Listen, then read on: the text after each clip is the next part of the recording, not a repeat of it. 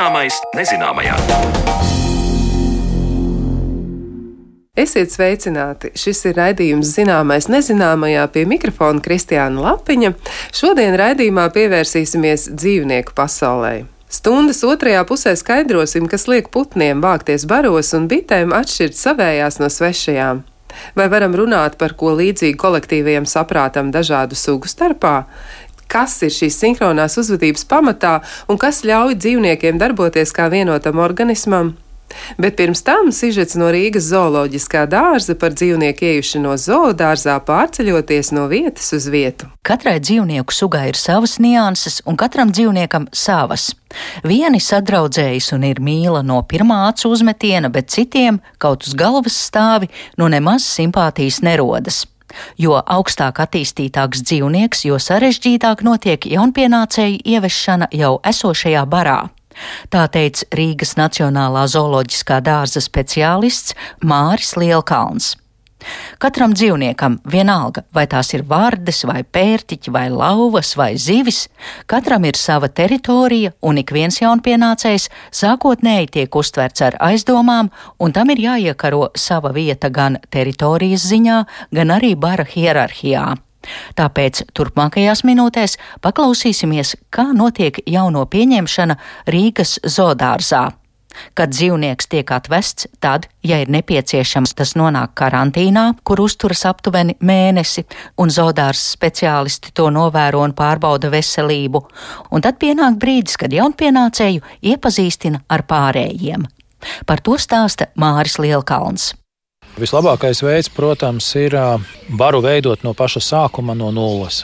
Savēt dažādus dzīvniekus, atbilstoši to, ka ir plānots salaist kopā, un tad visus laiž vienā voljērā kopā, jo tad visiem tā ir jauna teritorija, un tad ir visiem labāka sadzīvošana. Jā, ja izveidotā teritorijā ielaiž kādu jaunu pienācēju, tad, protams, ir krietni sarežģītāk. Bet, ja mums jau šīs sugas pārstāvji ir, tad, protams, viņi netiek uzreiz laist iekšā šajā voljērā pie visiem pārējiem, bet vispirmkārt notiek iepazīstināšana. Tātad zoodārzā ir gan šie ekspozīcijas voljēri, gan arī dažādi saimniecības voljēri, nu, būtībā veselas voljēru sistēmas, lai varētu veikt dažādas, piemēram, atdalīšanas, ja vajadzīgs, ja, piemēram, kāds ir saslimis no esošajiem, tad, piemēram, tas tiek atdalīts. Vai, piemēram, ir tā, ka tas tēviņš ir esošais jāatdala no mātītēm, tad arī, protams, šie voljēri ir vajadzīgi. Līdz ar to, to voljēru sistēmas ir saimniecības daļā arī dzēna. Nu, tad vienā šādā voljērā ielaiž jaunpienācēju. Nu, tad viņš pamazām sāk sapazīties gan ar skaņām, gan ar smaržām, gan uh, saušņāšanās, nu, savstarpējā tātad komunikācija attālināti, bet droši. Vai tas nozīmē, vai tā ir kāda trešģu siena, ka var pieskarties viens otram vai saošņāties? Nu, visbiežāk tās ir, protams, šīs režģu sienas, lai balsis, gan smaržas, gan viss ietu cauri un to varētu sajust viens otrs. Protams, skatās tā, lai eh, viņi nevarētu viens otram pārnodarīt. Nu, tad skatās jau tālāk, kolēģi ļoti uzmanīgi un cītīgi, nu, kas notiek tālāk. Ja tur uh, ir uh, savstarpēja saskaņa un, un, un, un tā, tad pienāk lielais brīdis, kad nu, to dzīvnieku ielaiž iekšā pie tā pārējā bara. Bet uh, šis process notiek kontrolēti darbinieku klātbūtnē. Protams, ka jebkurā gadījumā notiks uh, savstarpējā apošņāšanās, protams, ka būs arī savstarpējās kaut kādas skaidrošanās, un tas, protams, ir arī darbiniekiem jāredz un jākontrolē. Arī vārdēm, piemēram, arī zivīm, piemēram, būs visvisādi. Ja, ja tās ir teritoriālās zivis, kurām ir savas teritorijas, kur zivs ir sadalījušas akvāriju jau pa placīšiem, Nu, tad, protams, ka ievedot iekšā jaunu dzīvnieku, tas rada uzreiz stresu arī visās esošajos jau iemītniekos. Tad visi uzreiz uzdod jautājumu, pagaidi, pagaidi, paga, mēs te dzīvojam, tā smuki, jauki, labi, un te pēkšņi ierodās viens svešais. Un tad atbilstoši notiek dažādas izskaidrošanās. Un arī pat vārdītēm, jā, dendrobatiem, tām pašām skaistajām, krāšņajām, eksotiskajām vārdēm, kas tropumājā dzīvo indīgajām. Arī viņām ir tātad, sava noteikta teritorija. Tātad terārijā iemītnieki sadalījuši savu māju. Nu, tad, ja piemēram izņem vārdi laukā un aiznes uz citurieni, un tad pēc kāda laika viņu atgriež atpakaļ teritorijā, nu, tad viņai tik un tā ir jāsāk cīņa no paša sākuma, lai atgūtu savu vietu šajā saimē. Runājot par zīdītājiem, ja gadījumā uzreiz nerodas saskaņa, tad jaunpienācējs tiek ielaists atpakaļ savā voljērā, kas viņam jau ir ierasta teritorija, un pēc laika pieaucēšana barā turpinās. Atsevišķs stāsts ir par dzīvnieku pārošanu, kad no cita zooloģiskā dārza atceļo jauns tēviņš vai mātīte, lai turpinātu konkrētās sugas pēctecību. Atminos, ka slavenais britu zoologs un rakstnieks Džeralds Darels vienā no savām grāmatām rakstīja, ka dzīvnieku, tā teikt, laulību ceremonijā kāzu viesi, tas ir zooloģiskā dārza darbinieki, parasti stāv satraukumā pie voljēra ar slotām un ūdenšļūtenēm rokās, ja nu gadījumā jaunais pāris ir gatavs viens otram rīkli pārkost un tie ir steidzami jāizšķir pārošanas laikā tādiem, kas ir vientuļnieki dzīvnieki, ja tur var tēviņu ielaist pie mātītes iekšā. Bet tad mātīte ir tā kā saimniece par esošo, un tad ir viņa tā kā galvenā, un tad ir papucis, piemēram, tikai tāds ienācējs un ciemiņš. Ja? Bet, ja mātīte, piemēram, ir arī pārāk nekaunīga un nešpatna, nu, tad, lai viņa tā teikt, mazliet nomierinātos un būtu mazliet mierīgāka, nu, tad uh, viņu ielaiž pie tēviņa, jo tā ir tēviņa teritorija. Kā tur var būt ļoti dažādi. labi jūt, šī ir mana māja, un es jā, esmu jā, saimnieks, nu, un es to arī parādu ar visu savu uzvedību. Ne tikai ar visu savu uzvedību, es tās visas vietiņas esmu iezīmējis un robežu stabus esmu atstājis. Jā, tā, tā jau tagad ir mana teritorija, un tad ielaižot svešā voljērā, kaut vai arī tas ir blakus voljērā amatieris, ja, ielaižot pie viņa, nu, tad tas ir mazliet ciemos atnācis. Tad tā kā bišķiņ jāmāk uzvesties. Vai tu vari minēt konkrētas dzīvnieku sugas, kuriem tā ir? Šādus varētu minēt uh, Eiropas ūdeles, kur var būt dažādas situācijas. Ja viena mamma skarbāka, otra mamma tāda pielaidīgāka, un tad atbilstoši situācijai, nu, ir jākombinē vai nu dāma pie čaļa ciemos, vai čalis pie dāmas ciemos. Jā. Citādi var sanākt visai skarbi. Nu, un, piemēram, uh, žirafēm mums bija puisis Kimi jau krietni gados, un uh, viņam tika atvesta dāma Vakīlija. Abiem krietna gadu starpība. Nu, paps tomēr īsti nevisēja to dāmu. Jā, protams, labi viņa ir un viņa labi dzīvo un viss notiekās. Tomēr tās attiecības, nu, tās bija bišķītiņas rezignētas. Savukārt tagad eh, atveda Čaku, jaunu tēviņu, kurš pat jaunāks nekā Vakīlijai. Vakīlijai tagad ir četri gadi, Čalim divi. Nu, viņi, kā teikt, jauni dzīvnieki, viņi ātri vien sapazinās, ātri vien sadraudzējās, un sarašana un pierašana savstarpēji bija daudz ātrāka, un kopā salaist varēja daudz ātrāk nekā bija plānojuši mūsu darbinieki. Tā kā varbūt vis visādi varianti. Un tostarp arī vienas sugas ietvaros ietvaros, starp dažādiem īpaņiem var būt. Jā. Ir vieni, kas ļoti ātri sadraudzējās, un ir citi, piemēram, kas nekādā veidā nav sadraudzējumi savā starpā. Tropmājā arī naktdzīvniekos dzīvo zemes kuskus. Viens pārītis izveidojās ļoti labi, ļoti ātri, ļoti draudzīgs bija. Nu, savukārt, citā gadījumā bija cits pāris, kuram nu, ar to sapazīšanos un saprašanos bija ļoti švaki. It sevišķi retajiem dzīvniekiem, kur piemēram pāra veidošanā iesaistās starptautiskās organizācijas, tātad šī vairošanas programma, EP, kurators, kurš nosaka, lūk, šito te ar to vajadzētu sapārot savā starpā un salaist, lai dzīvo kopā. Un plus vēl zoodārs, jā, mēs to labprāt gribētu un darīt, un tad mēs tagad atvedam, un viņi pasaka, nē, tā nebūs, kā jūs gribat un kā jūs domājat. Līdz ar to nekas nesanāk. Tā teikt, cilvēks dara, bet uh, domā, izdomā, bet izdomā, ka viņam labāk patiks tā kā viņam gribās. Jā. Bet ko tādā gadījumā darāt? Vai ir tik daudz teritorijas un ir paredzēts, ka tur ir līdzās kāds voljērs vai tur kaut kādas nodalošās sīkās? Jā, protams. Tāpēc jau ir šīs daudzās voljēru sistēmas saimniecības daļā, kur tad šos te strīdniekus tur atsevišķi, nu, un tad mēģina sadraudzēt savā starpā. Nu, varbūt, ka tu tomēr iepazīsi. Nu, cilvēkiem jau arī mēdz būt tā, ka ne jau tikai mīlestība no pirmā acu uzmetiena. Tur arī reizēm izkaušanās un krietni gadi paiet, kamēr beig beigās ir lielā saprašanās un mīlestība. Dažreiz jau var gadīties arī tā, ka šie mēģinājumi teikt, sadraudzēt savā starpā var beigties ar skaita samazināšanos. Jo, piemēram, tās pašas ragvārdes, tādas lielas, milzīgas vārdes, arī tropmājā dzīvojās, viņas labprāt arī apēdīs kādu mazāku sugas brāli, ja teiksim, būs kopā vienā terārijā divas šīs vārdes, tad var gadīties, ka pēc kāda laika būs tikai viena vārda.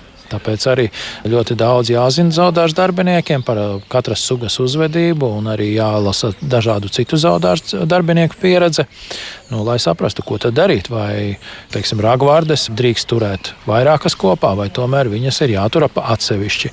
Nu, tad tikai tad, kad ir riesta periods, nu, tad salaiž kopā un tad iegūst pēcnācējs un tad atkal darās tālāk.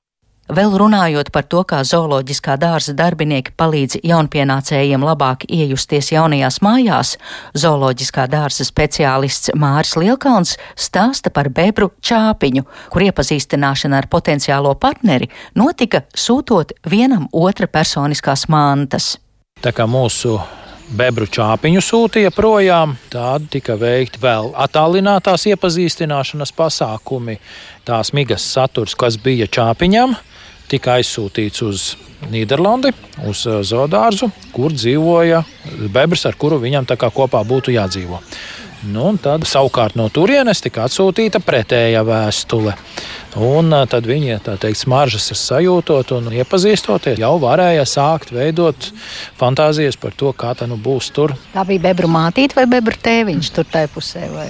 Nu, tā bija bebru mātīte, jā. Mm. Tad nu, vienkārši viņiem bija iespēja priekšlaicīgi iepazīties, un, protams, ka arī pašā sākumā tur uz vietas arī viņi kopā netika salaisti. Savukārt mazā lācenīte, par kuru varējām lasīt plašsaziņas līdzekļos šī gada pavasarī, proti lāča bērns, kas aprīlī bez mammas palicis, klīda gar alojas limbažu ceļu un tika nogādāts Rīgas zodārzā, maija beigās devās uz savu jauno māju vietu Latanjēra zodārzu patvērsmi Francijā.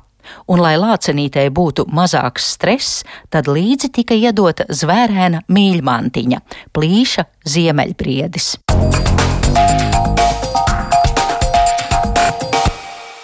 Paldies par sižetu Zanē Lācei Baltāksnē, bet turpmākajās minūtēs pievēršamies dzīvnieku kolektīvajai uzvedībai.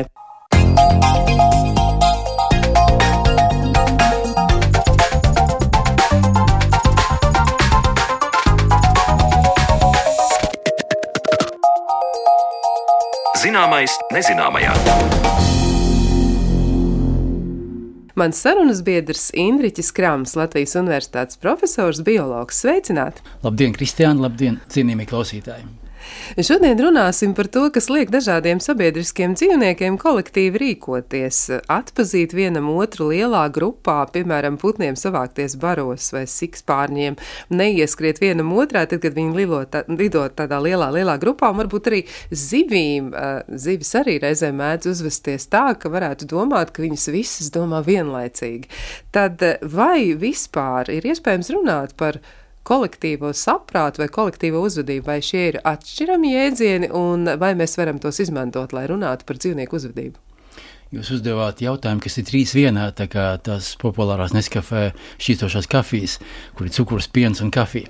Uh, jo uh, saprāts mm, ir viens jautājums, kas liek putniem savākties baros, ir otrs jautājums, un kas zivīm liek vienai otru nesaspiest vai kaut kā tā, uh, tas ir trešais jautājums. Um, atbildēšu laikam uz visiem trijiem. Par kolektīvo saprātu ir, mm, mēs varam runāt, uh, bet uh, nu, visur liekot pēdiņas, protams, jo uh, arī mēs cilvēki absolūti uzvedamies tieši tāpat. Brīžiem mēs uh, darbojamies kolektīvā veidā, brīžiem ļoti individualistiski.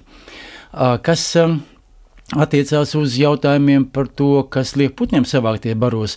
Parasti tie ir kaut kādi pavisam vienkārši, pavisam labi identificēti ekoloģiski un evolucionāri faktori, piemēram, plēsonība. Grupā ir drošāk. Grupā ne tikai drošāk, tāpēc, ka ir vairāk acu, kas pamanīs plēsēji, kas tuvojās. Uh, grupā ir drošāk arī tāpēc, vien, ka ir tāds saucamais riska izšķīdināšanas princips, ka nu, gan jau ka noķers ne mani, bet kādu citu. Uh, un uh, tad vēl ir tā, ka grupā ir drošāk, tāpēc ka pat uh, putniņi, kas ir ļoti maziņi, var aiziet daudz lielāk par sevi pū, tādu kā pūci vai vanagu projām no tās vietas, kur viņi dzīvo. Tāpēc, ka nu, neviena pūce un neviens vanags neizturēs to bļaušanu, ko tie mazie sarīkos. Tas saucamais mobbings. Jā, bet vai vispār tas ir raksturīgs daudzām sugām?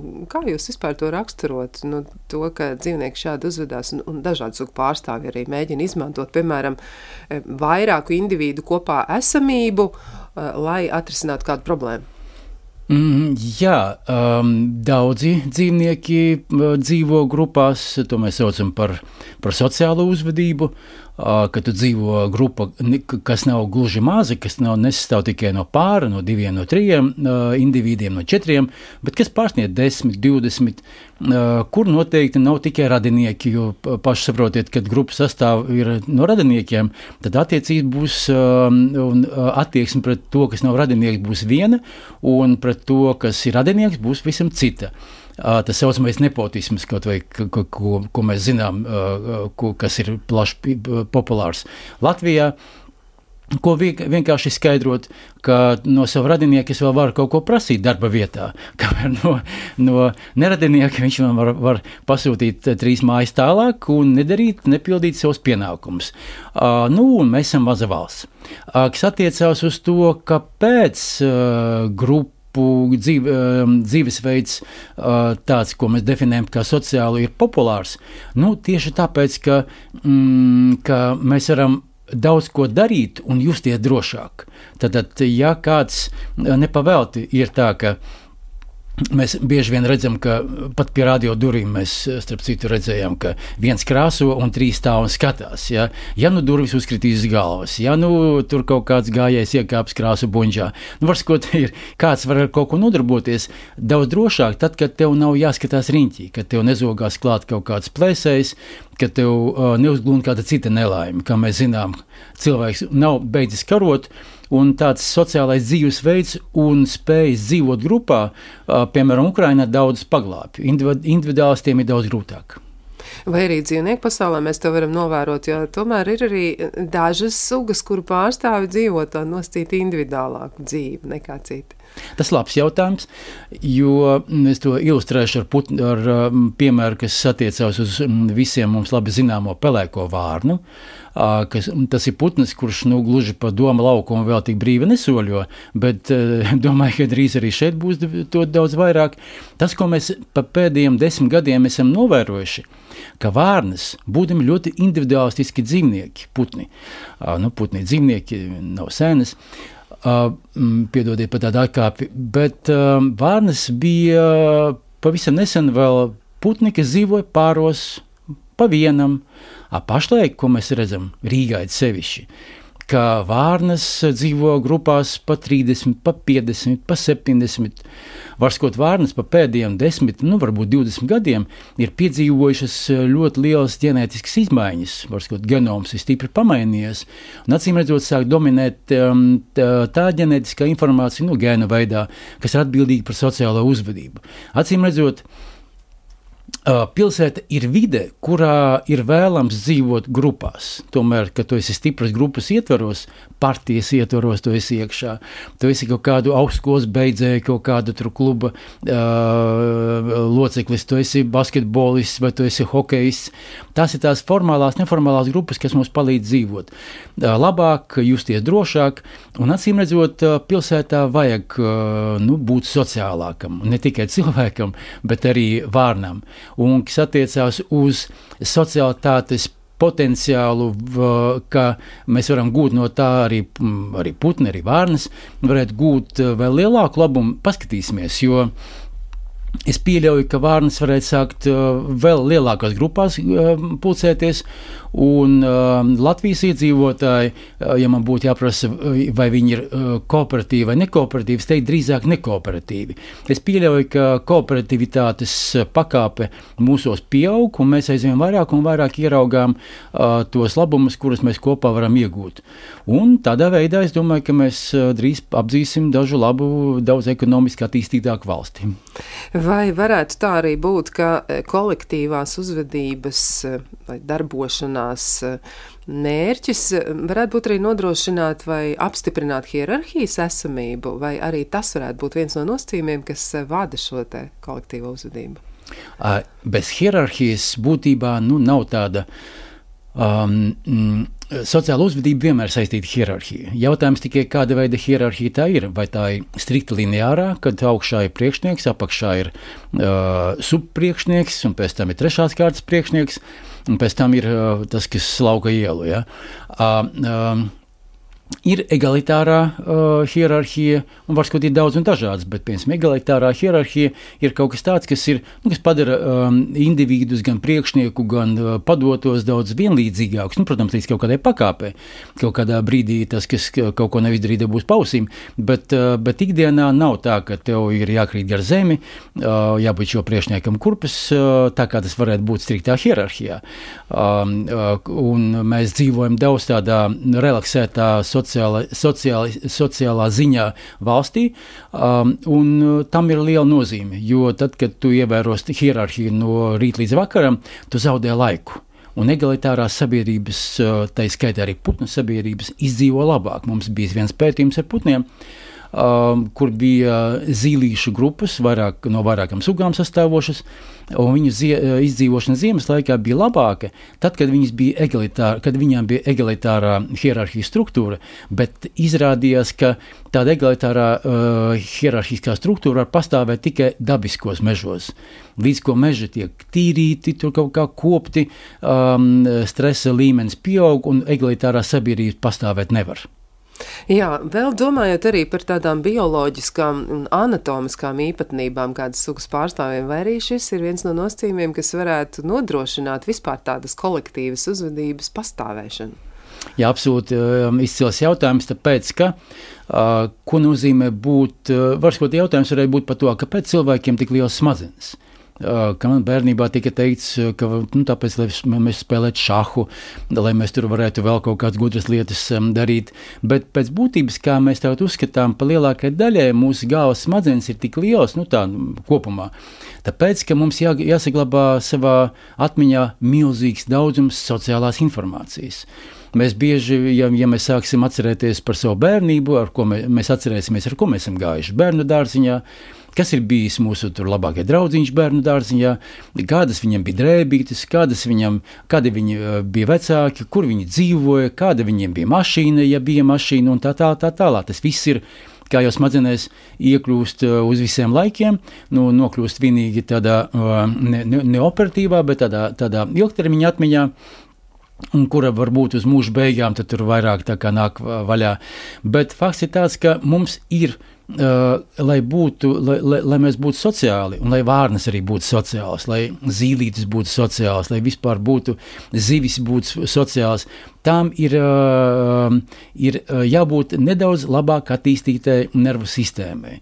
Ir jābūt uh, vietām, kur to uh, informāciju glabāt, lai jābūt vietām, kas, mm, nu, kā mēs esam pieraduši, ka nervu sistēma ir izaugusi, un tā tam būtu, un nekad vairāk nekas tur nemainās. Vienīgi nervu sistēma var degradēt. Nē, tas tā nav. Nervu sistēma var attīstīties. Mm, Smadzeņu daļas atsevišķi var uh, palielināties, samazināties atkarībā no tā, vai mums vajag uh, to atmiņas uzglabāšanas funkciju. Un viena no tām atmiņas uzglabāšanas funkcijām ir uzglabāt atmiņu par sociālām attiecībām. Jā, tā tad Tomēr tās lielās smadzenes ir eh, liels ieguvums, eh, burtiskā nozīmē.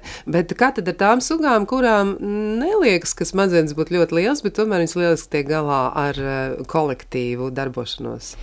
Jā, tas ir tā, ka liekas, ka varētu būt, nu, jā, mēs varam lepoties savām lielajām smadzenēm, kas ir relatīvi vispār kaut kas ļoti liels. Pie tam es gribētu atzīmēt to, ka ja sākam domāt par, par uh, struktūru sarežģītību visumā, mēs runājam ne tikai par zemeslodes, bet runājam vispār par visu visumu. Šoreiz mēs saka, dosimies uh, izplatījumā, kosmosā. Man šķiet, ka nav sarežģītākas struktūras visā visumā kā smadzenes. Ne tikai cilvēki, bet smadzenes, smadzenes kopumā. Uh, pat uh, mazām, mazajām drozofilām ir labi atšķiramas smadzenes. Uh, viņas var, nu, saka, viņas var atšķirt, viņas var, nu, saka, viņas var pētīt. Bet, um, Attiecībā uz uh, to, ka, mm, ka tas būtu, jā, var sakot, tas smadzenes līdz ar to tas ir kaut kas ļoti super unikāls. Un, nu, atsevišķas daļas uh, varētu būt tā, ka, piemēram, putni Viņi spēja domāt abstrakti, viņi spēja skaitīt, viņi spēja visādi brīnumaini lietas, viņi spēja izgatavot um, darba rīkus, spēja um, Jaunkaledonijas vārnas, piemēram, tur ir ļoti daudz eksperimentu veikti, var skot apbrīnojumu putnu, apbrīnojumu uzvedība, bet uh, smadzenēm pēc būtības nav uh, tās garozas, kādas uh, ir mūsu smadzenēm un var skot, smadzenes ir relatīvi ļoti mazas, tomēr nu, būtībā mazas pret tiem risināmiem uzdevumiem. Neskatoties to, Acīm redzot, putni tiek ar visu galā, pie tām tiek ar visu galā tā, ka mēs ar tiem putniem reizēm netiekam galā, ka viņi mums lien visur kaut kur iekšā un mums jā, jāizdomā speciāls ierīces, lai no viņiem tiktu vaļā. Un, lai koordinētu sociālo uzvedību, ja tu esi lielā grupā, kā jūs pieminējat, ka zivis uh, var, var būt grupās vai putni var būt grupās, un jautājums par to, kā viņi tur nesadurās viens ar otru, ir uh, dažādas smadzeņu daļas, kas, uh, kas ir atbildīgas par šādām koordinētām kustībām, un pie tām šādas smadzeņu daļas var palielināties un samazināties, ja tā funkcija uh, nu, pazūd. Piemēram, ja zivtiņa dzīvo lielā grupā, un pēc tam mēs ieliekam viņu kaut kādā nu, mazākā akvārijā, kur viņi neredz, nesatiekās ar citām zivtiņām, viņām nav vajadzības vairāk koordinēt um, telpiskās uh, attiecības, um, telpiskās kustības, un tā smadzeņu daļa, uh, hipokamps, piemēram, uh, var būtiski samazināties. Jā, starp citu, runājot par hipokampu, ir arī pētījums diezgan apjomīgs, eh, savulaik veikts tieši par sikspārņiem, ka viņi hipokampu ļoti izmanto tieši tam, lai varētu precīzi atrast savu vietu, kur novietoties, un arī, nu, būdami tādi mm, savus sugas pārstāvi, kur nav apveltīti varbūt ar, nezinu, citām spējām, ja, bet tomēr viņiem, eh, nu, mēs arī īpaši par to bieži vien arī domājam, ka sikspārņi, nu, viņi eh, absolūti unikāls būtnes, ka viņi spēja norientēties telpā ar saviem specifiskiem palīglīdzekļiem. Varbūt arī kāds vārds par sikspārņiem? Tas, um, Uh, tas bija laikam raksts, kas publicēts vienā no Nature uh, grupas žurnāliem. Jā. Es nezinu precīzi, kā, uh, kurš no tiem tas bija, bet tie laikam bija tie Eģiptes uh, augļu sikspārņi, tā laikam varētu tulkot lat, um, uh, mūsu valodā. Jā, sikspārņi ir apvienojums būtnes, tāpēc, ka pirmkārt viņi spēja lidot, ko mēs nepārāk labi spējam, tikai pa sapņiem varbūt. būt un varbūt kādi komponisti un mākslinieki arī spēj lidot do, uh, ļoti skaisti arī savā darbos ikdienā. Bet kas ir interesanti ar sikspārņiem, tas ir tas, ka viņi viens otru um, nu, nav jau tik no vienas puses fizikālie principi savādāki nekā mums, bet tad, tad viņi izmanto eholokāciju, viens otru atrodot, uh, orientējoties telpā, atrod, nosakot, kur kādi priekšmeti šķēršļi, bet mēs to izdarām ar acīm. Pēc būtības um, tie uh, vienam, viens, uh, ka viens otru mēs atrodam līdzīgā veidā, kaut gan izmantojot citādus fizikālos principus. Um, nu, un kas ir svarīgi, ir, ka, uh, ka hipokamps Iespējams, arī cilvēkam. Tas vienkārši norāda to, ka tas līdzīgi lietas varētu pastāvēt arī cilvēkam. Ir uh, izrādās tā smadzeņu daļa, kas atbildīga par, um, par orientāciju telpā, un ne tikai par orientāciju telpā, bet par koordinētajām kustībām. Telpā koordinētajām kustībām, kuras tu koordinē uh, kopā ar saviem sugas brāļiem. Un tad, tad um, sikspārņi var uh, dzīvot uh, grupās, uh, lielās grupās, un tā analoģija varētu būt ar putnu bariem, kur ir miljoniem putnu, varbūt bez maz vai, nu, varbūt tik, tik, daudz nav, bet simt tūkstoši putnu, putnu ir, ir redzēti vienā grupā. Un es domāju, ka Viens no tādiem putniem, kas mums ir labi pazīstams, un tad, tad tā analoģija būtu ar izpārņiem, ir mājas trasts. Arī, ja, jū, ja mēs skatāmies, kā viņi uzvedās Vācijā, īpaši Francijā, rudeņos viņi sapulcējas milzīgās grupās, milzīgos baros, un, ja sikspārņus mēs neredzam, tad uh, strādus mēs varam skatīties, kā viņi veido mākoņus, kā viņi uh, uh, maina tā mākoņa formu, un, kā, un neviens no viņiem vēl no tā mākoņa nokritis, sasists saspies un kaut kā tādā veidā. Tāpēc ir acīm redzot, ka arī tur varētu būt saistība ar, ar hipokampu. Tā kā nu, Latvijas pētnieki vai kādi citi pētnieki gan jau izpētīs, bet uh, sikspārņi patiešām izrādās, ka um, nu, pat tumsā spēja viens otru nolocēt, atrast, kur kas ir, pie tam labi saprast, vai tas ir draugs vai nu, nepārāk draudzīgs organisms, vai tas ir radinieks. Ja vienkārši um, tas attiecības, kā ļoti daudziem, nu, kā cilvēkam, arī kā daudziem citiem dzīvniekiem, ir balstītas uz, uh, uz pazīšanos. Es tevi pazīstu, tad es ar tevi nu, jau tomēr varu kaut kā koordinētāk darboties. Uh, Ja es nepazīstu kādu individu, tad es nu, nevaru zināt, kā attiecīgais cilvēks vai, vai sikspārnis varētu padomāt. Es nezinu, kā tas otrs sikspārnis uzvedīsies. Bet izrādās, ka, uh, ka, ka šīs lietas grozās ap hipokampu. Un hipokamps ir interesanta lieta. Es atkal pieminēšu putnus. Ir tādi putniņi, kas krāj barību uz ziemu, un principā arī vārnas krāj barību uz ziemu. Sīri, kā zināms, tādu ozols tāpēc, ka paslēpjas oz, ozozīli un kaut kad aizmirst. Ir putniņi, kas, ir, kas dzīvo mūsu mežos, piemēram, pelēkā zīlīte. Un viens pētījums, viņš ir krievu izcelsmes amerikāņu profesors Nevadas Universitātē, Vladimirs Pravasūdovs. Viņš jau pirms kaut kādiem gadiem, 30, bija atklājis to, ka, ka pelēkā zīlīte spēja uzkrāt ap pār 50 tūkstošiem barības krātuvīšu sēkliņas, zirneklīši, citādi kaut kādi kukainīši, un tās atcerēties. Uh, tur ir tas viss, tā ka tur ir ilgtermiņa atmiņa, īstermiņa atmiņa, un īstermiņa atmiņā tur paturēt uh, nepārāk daudz. Tad zīlīte pusdienas nodarbojas ar to, ka viņi pārslēp no uh, īstermiņa uz ilgtermiņu un var skot visu ļoti, ļoti aizņemt putniņi. Bet uh, tajā laikā, kad putni um, krāja barību, kad viņiem jāatceras šis, šīs 50,000 leptuves, viņu hipokamps izaug burtiski dažu nedēļu laikā, palielinās izmēros ļoti būtiski. Es domāju, ka sikspārņiem ir tieši tas pats novērots. Nu, tieši tajā, tajā rakstā arī ziņots par to, ka šiem, šo sikspārņu hipokamps ir uh, daudz lielāks, un līdz ar to mēs atklājam uh, to, ka hipokamps ir atbildīgs uh, dzīvnieku pasaulē ne tikai par uh, to, ka, lai atcerētos kaut ko, nu, kas ir paslēpts, kur piemēram mums ir atslēgas, vai mums ir kabatā, vai mums ir somā, ja domājam par, par mūsu pašiem, tad, tad hipokāms izrādās ir atbildīgs arī par telpisko orientāciju.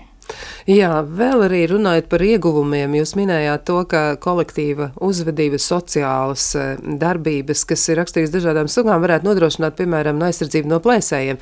Bet vai ir arī iespēja paziņot, nu, piemēram, par barošanos? Man liekas, ļoti interesants piemērs varētu būt par bitēm. Bites arī ziņo viena otrai, kur kas notiek, un bišu dzīve vispār šķiet tāda sākotnēji ļoti noslēpumaina, bet tai pašā laikā tā ir ļoti aizraujoša, un tur gandrīz vai īsts trilleris brīžam ir. Eh, kā jūs varētu raksturot to, vai e, sugas spēja paziņot arī par labākiem dzīves apstākļiem kaut kur vai kā tas notiek, kādā veidā tas tiek darīts? Nu, par labākiem dzīves apstākļiem, acīm redzot, mums paziņo internets un Latvijas rādio, vai mums jāemigrē uz īriju, vai, vai tomēr jādodas atpakaļ uz Latviju jau. Bet kā būs ar bitēm? un ar bitēm ir tā, ka bites um, ir, ir brīdis, tad, kad bites sāk spietot. Ja, tad var skot spiedz dodās projām un nu, jāizvēlas vieta, kur dzīvot. Un tad, tad uh, viņiem ir sava tā bišu māte, bišu karaliene. Uh, un uh, šajā brīdī uh, ir bites, kas, nu, tā saucamie izlūki, kas lido apkārt un mēģina saprast, kur tad labāk, uh, varbūt viņu, viņam jāizdara ļoti nozīmīgs, nozīmīga izvēle. Jāsaprot, kur tagad viņi visi lidos. Uh, bites ar bišu savu to māti ir māsas, Un tā lēmums, nepareizs lēmums izvēlēties kaut kādu dzīves vietu, uh, nu, momentā ietekmē ne tikai, nu, piemēram, ja esam kaut kādā darba vietā, tad man kaut kāda nepareiza rīcība varētu ietekmēt nu, mani, varbūt, varbūt manu darba vieta, varbūt mani ne, varbūt tikai darba vieta, un otrādi. Ar bitēm ir tā, ka, ja tie izlūki izvēlēsies, aizaicinās um, to visu to bišu kamolu projām uz kaut kādu nepareizu vietu, nu, teiksim, nelabklājīgu vietu, tad uh, visi var aiziet bojā, visiem saviem gēniem, un tā, tā būs milzīga kļūda, ko nu nevarēs labot. Un tāpēc jā, tā, tā ir, ka, uh, ka bites viena otrai var paziņot, īpašas bites, tad nezinu, kādā veidā tiek izvēlēti tie izlūki, bet komunikācija gan ir, vizuāla, gan ķīmiska. Kukaiņu starpā notiek ļoti, ļoti stipri lielā mērā komunikācija balst, tiek balstīta uz specifiskām ķīmiskajām vielām. Um, kas attiecās uz bišu komunikāciju un tās apbrīnojamību, kur jūs pieminējāt, ir tā jāatcerās, ka uh, ka nu, ir tāda uh, uz, um, zinātne par dzīvnieku uzvedību, saucās etoloģija. Būtībā tā ir arī par dzīvnieku, par, par cilvēku uzvedību, jo cilvēks tomēr arī nav, nav uh, ne augs, ne sēne, tas ir dzīvnieks. Uh, un um, par, par šīs zinātnes izveidošanu Trijiem zinātniekiem, Tinbergenam, Lorencam un Fon Frišam, tika piešķirta Nobela prēmija. Nu, Nobela prēmija nepiešķirta par, par etoloģiju, piešķirta par stresa izpēti, tāpēc, ka tā bija Nobela prēmija medicīnā. Bet Fon Frišs bija tas, Karls Fon Frišs bija tas cilvēks, kas atklāja bišu dēļas ka bites spēja vienotrai paziņot, komunicēt, norādīt, piemēram, uz to, ka, nu, lūk, tur ir labāks nektārs, labāki ziedi, un tur ir jālido un jāiem un, un, un, un pakaļ pēc nektāra un pēc putekšņiem. Vēl viens jautājums arī, kas varētu būt saistīts ar tādu mītu, un es gribu jautāt tieši to tā iemesla dēļ, ka vai tiešām tas ir mīts vai tā ir patiesība. Nu, piemēram, e, cīņa ar žurkām pilsētu vidē, jo īpaši izceļas ar to, ka tur ir jāsadzīvo ļoti daudzām dažādām sugām. Cilvēkam nāks rēķināties arī ar citu sugu klāt, pārstāvu klātbūtni, un mīts par žurkām, ka žurkas varot paziņot viena otrai par to, ka, lūk, ir parādījusies, piemēram, žurku inda, ja, nu, tāds ļoti, varbūt e, diezgan necilvēcīgs, bet tajā pašā laikā bieži lietots paņēmiens, un e, ir tāda doma, ka žurkas varētu ziņot vienotrai. Kā ir ar, piemēram, šiem te grauzējiem, vai viņi spēja izmantot uh, sociālas saites un sociālo uzvedību izmanto arī, lai pasargātu sevi? Uh, uz, uh, ļoti labs jautājums, tāpēc, ka tas ir jautājums par informācijas nodošanu, informācijas nodošanas raksturu un precizitāti. Un turklāt vēl arī par, par informācijas ticamību.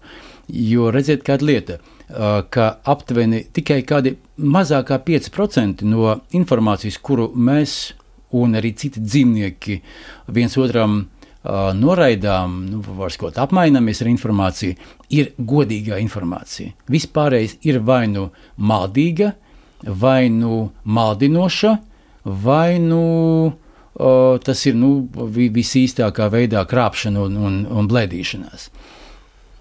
Un tāpēc nepavēlti ir uh, tik ļoti populāri, uh, vismaz nezinu, tagad vai rāda to populāru, to, to seri, seriālu Light to Me.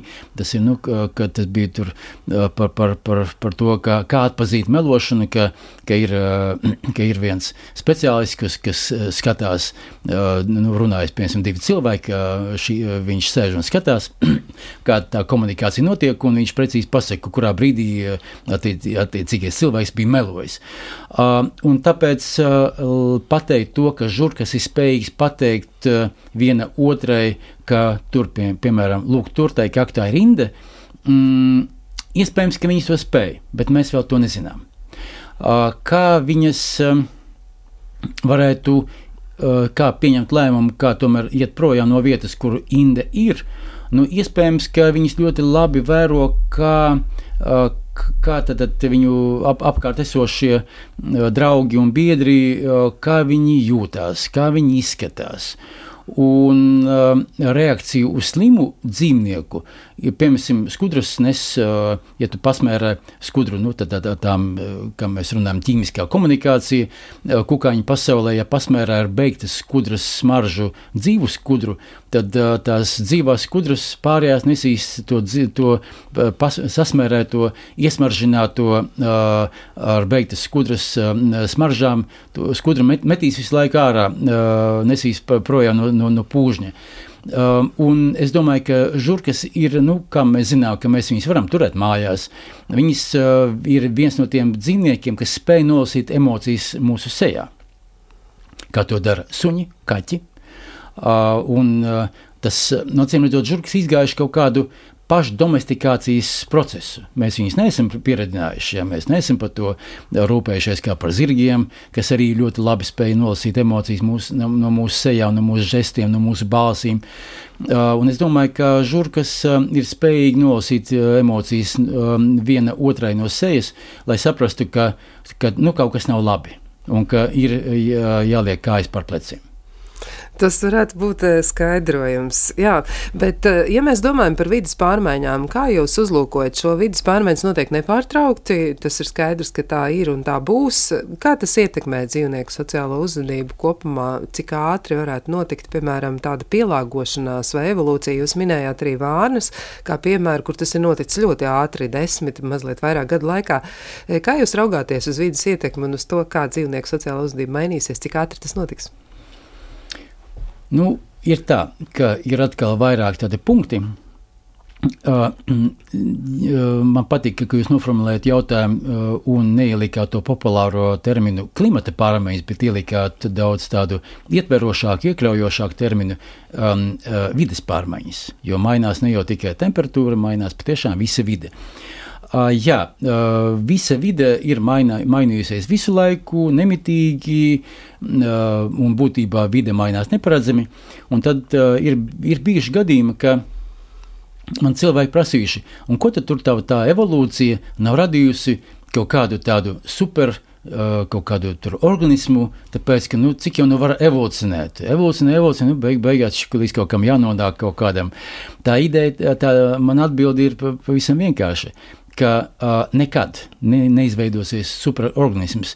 Un, uh, kad es uzdodu šo uh, jautājumu savos vai nu ekoloģijas, vai revolūcijas saistītajos kursos studentiem, uh, būtībā aizvien vairāk un vairāk studentu ir tādu, um, kas praktiski tur dažu sekundžu laikā uh, spējīgi pateikt, ka, uh, ka supersuga neizveidosies, superorganisms neizveidosies, tāpēc ka mainīga ir viena lieta - vide. Un tā ir vienmēr mainīga. Un, um, ja šobrīd, piemēram, ir laba viena pazīme, ka mēs kļūstam, mūsu augumi kļūst ļoti lieli. Mēs, nu, sakot, jo lielāka auguma cilvēks, viņam ir no, vairāk labuma kaut kur gūt. Pie, minēšu vienu piemēru. Ja, ja jūs esat demokrātiskajā valstī, tad uh, vislielākā varbūtība, ja jūs neesat īpaši liela auguma cilvēks, nu, nezinu, vai ir laba doma kļūt par politiķi. Ja jums ir kaut cik lielāks augums, tad uh, jums ir, uh, ir, ir kaut kāds izredzes. Nākamā lieta, prezidents Obama, ASV prezidents Obama, kad viņš kandidēja uz otro termiņu, tad es zinu, ka uz ielām tie redzamie posteri vai nu, kaut kādas vizu, vizuālas lietas, ko internetā vēl kaut kur, viņa seja tika nedaudz pagarināta. Jo pagarinot seju, kas ir piemīta liela auguma cilvēkiem, tas padara nu, šādu cilvēku par, par tādu pievilcīgāku cilvēku acīs, tāpēc ka viņš izskatās pieaugušāks. Lūk, līdz ko sākās kara lietas, tad uh, liela auguma cilvēki pirmie, kas iet bojā. Ja, un līdzīgā veidā tas attiecās uz jebkuru citu sugu. Tad, kad ir labi, tad eh, nu, mēs varam, kad mums ir resursi, tad mēs varam, tad mēs varam kļūt ļoti daudz un dažādi. Gan liela auguma, gan maza auguma, un kādi tik ne. Tad, kad sākās kaut, kāda, kaut kādas problēmas, tad um, sākas evolūcijas spiediens. Vai nu tu kļūsti ļoti liels, vai nu tu kļūsti ļoti mazs, un uh, tiem tad ir priekšrocības. Tāpēc. Mm, kas attiecās uz to, ka, kāpēc vārnas, un tas bija apbrīnojami patiešām, kā, kā vārnas, kas pie kurām mēs nevarējām pienākt klāt uz 50, 150 metriem, tikai binokli varējām nu, pa lielu gabalu paskatīties. Uh, tagad mēs viņam varam iet garām, mēs varam skriet garām, un tā vārna bez mazliet mēs varam kāpt viņai uz galvas. Viņa, nu, nu, kaut kādu metru, reizēm metra attālumā mēs varam paiet pat Rīgā vārnai garām. Nekas tāds nebija iespējams 20 gadu atpakaļ. Acīm redzot, evolūcijas spiediens uz vārnām, lai tās kļūtu sociālākas, bija milzīgs. Uh, un izdzīvoja tās vārnas, kuras bija sociālas, kuriem bija nu, nosacīts sociālais gēns. Uh, ja drīkst tā izteikties, un biologi pārējiem man nenolamās, uh, bet es nu, runāju maksimāli populāru valodu pašlaik. Uh, un, uh, tas ir liecina tikai par to, ka, ka labums no, no, no tā, ka tu esi sociāls, ir bijis ļoti liels. Vai jums ir pašam nu, kāds tāds iekšējs pārsteigums bijis par to, par kādu sugu domājot, ka tur ir nu, tik ļoti sarežģīta sistēma, vienlaikus tā darbojas ļoti, ļoti labi? Vai jūs esat par to domājis kā biologs no biologa pozīcijām, ka tas tiešām ir kaut kas apbrīnojams? Ziniet, ir tā, ka es pētu ne tik daudz objektu, es pētu uh, testēt dažādas hipotēzes un teorijas. Un tāpēc vien, vien, vienā gadījumā man der putni, otrā gadījumā man der cilvēki, trešam kaut kādu principu izpētēji man vajag um, drozofīlas augļu mušas un tā tālāk un tā tālāk, ieskaitot arī bites. Tas, kas mani pārsteidz un nebeidz pārsteigt, un arī nebeigs laikam pārsteigt, to, cik dzīvība ir neiznīcināma, cik ātri mēs adaptējamies, nevis pielāgojamies. Eh, pielāgošanās ir cita lieta. Adaptējamies jauniem apstākļiem, uh, un es domāju, ka, nu, protams, kāda suga uh, nebūs starp veiksminiekiem, bet ļoti daudzas sugas arī, kas atna, ienāk jaunas, gan jau pēc kāda laiciņa tās, kas aizgājuši, atkal atgriezīsies. Tā, tāpēc es jums teikšu, ka Mēs esam pieraduši, ka viena eh, cilvēka dzīves laikā ieraudzīt evolūciju pats pa, pa savām acīm gan arī neiespējami. Nē, mēs esam tādā pārmaiņu virpulī, ka pētīt evolūciju un būt biologam ir vienkārši lieliski, un katra diena ir skaista un apbrīnojama. Jā, var teikt, tā ir tiešām lieliska izvēle. Nu, ko šajā mirklī man jāsaka paldies par sarunu? E, mans saruna biedrs bija Indriķis Krāms, Latvijas Universitātes profesors biologs, un mēs runājām par dzīvnieku un e, dažādu sugu pārstāvu sociālo uzvedību. Pie mikrofona bija Kristiāna Lapiņa, skaņa operatora Kristīna Dēla, bet par mūziku šim raidījumam gādāja Girts Bišs uz e, saziņu kādā citā reizē.